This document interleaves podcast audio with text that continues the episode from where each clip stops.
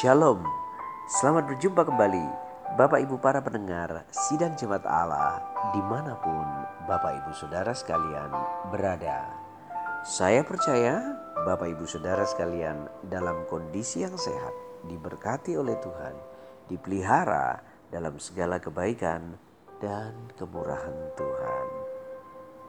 Kita akan segera mendengarkan renungan firman Tuhan dengan judul Menjadi Bijak.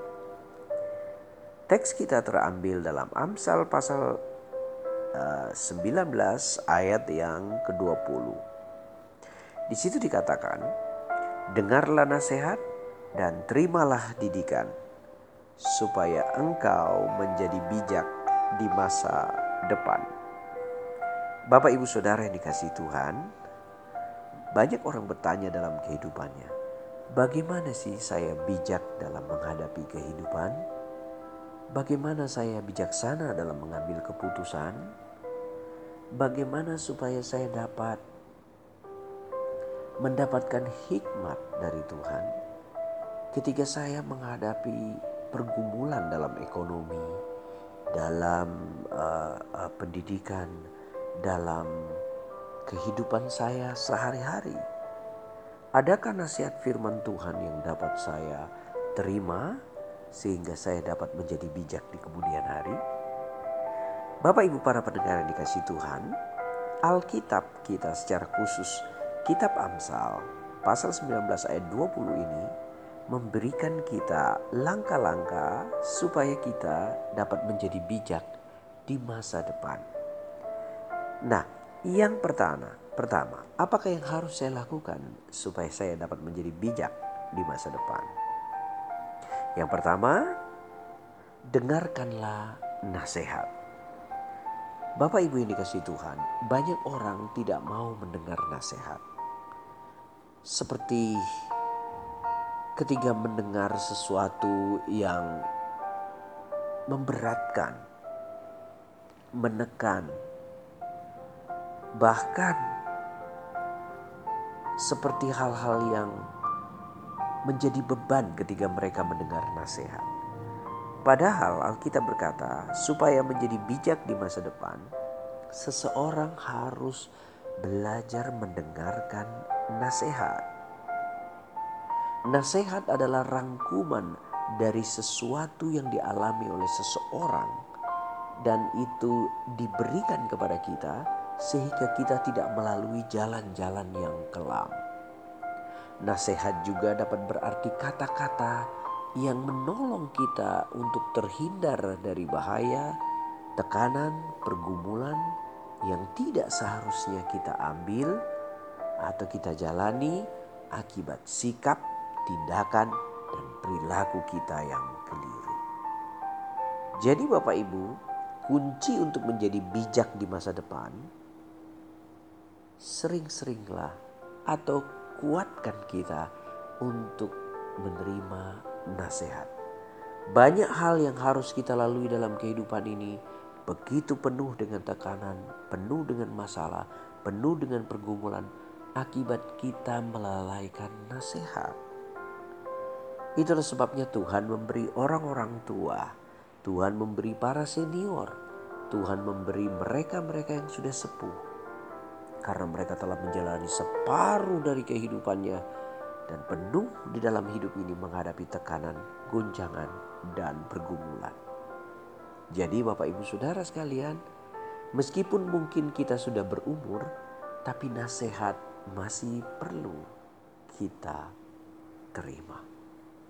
Nah Bapak Ibu Saudara, kenapa nasihat perlu?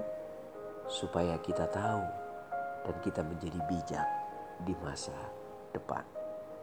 Tapi Pak anak-anak sekarang susah sekali untuk menerima nasihat dan teguran.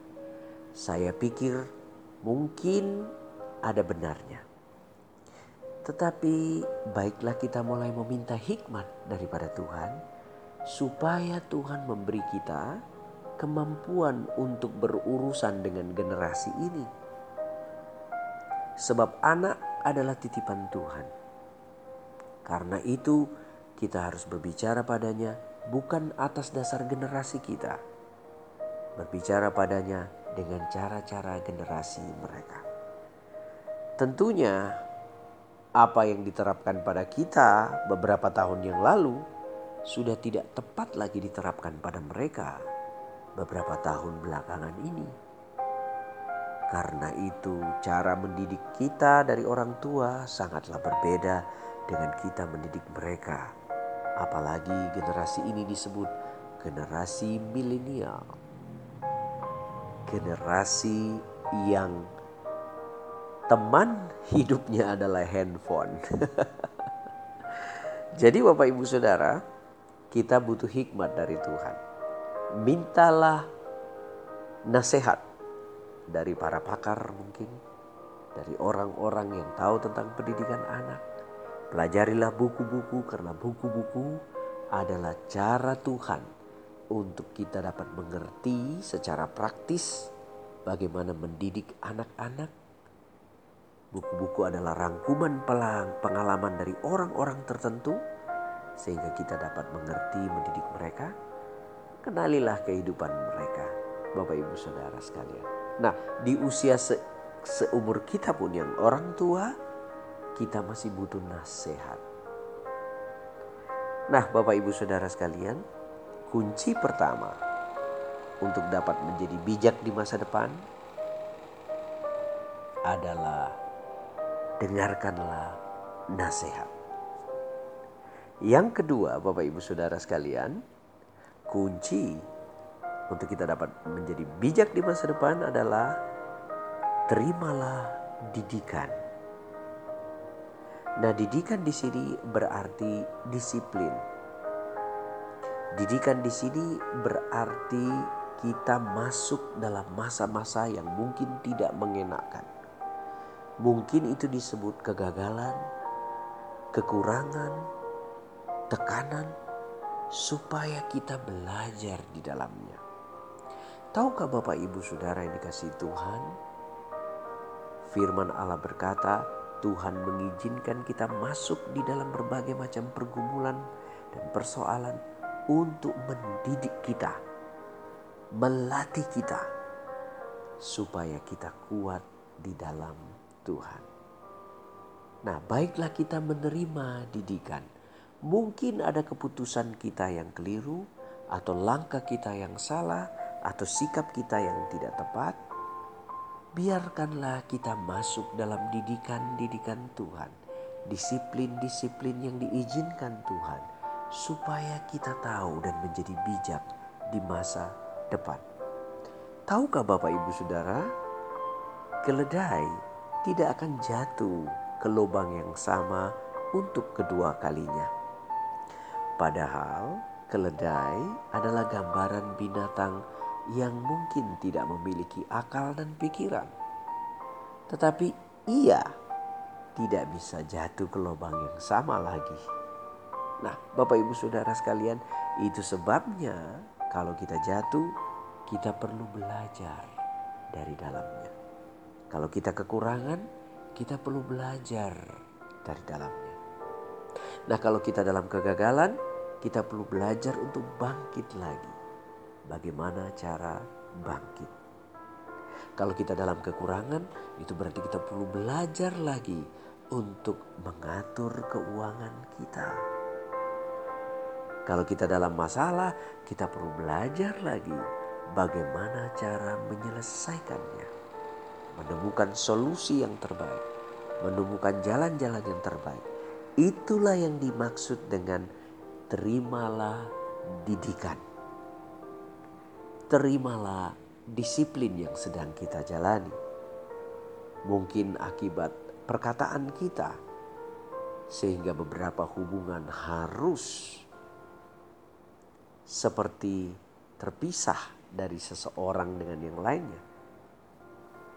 Tetapi dari situ kita belajar, oh, kita harus menggunakan kata-kata kita dengan baik, sehingga tidak ada orang yang terluka akibatnya kita menjadi bijak di masa depan.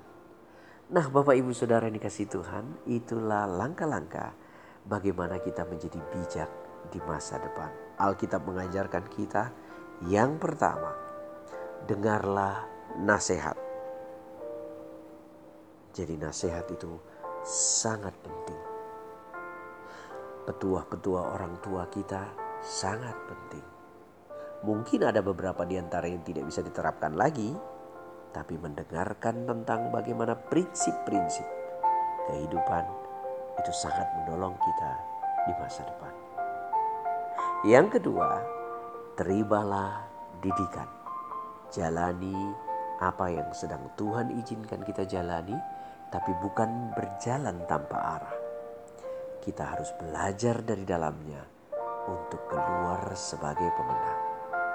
Ke depannya, ketika kita menemukan masalah yang sama, kita sudah tahu langkah apa yang harus kita ambil.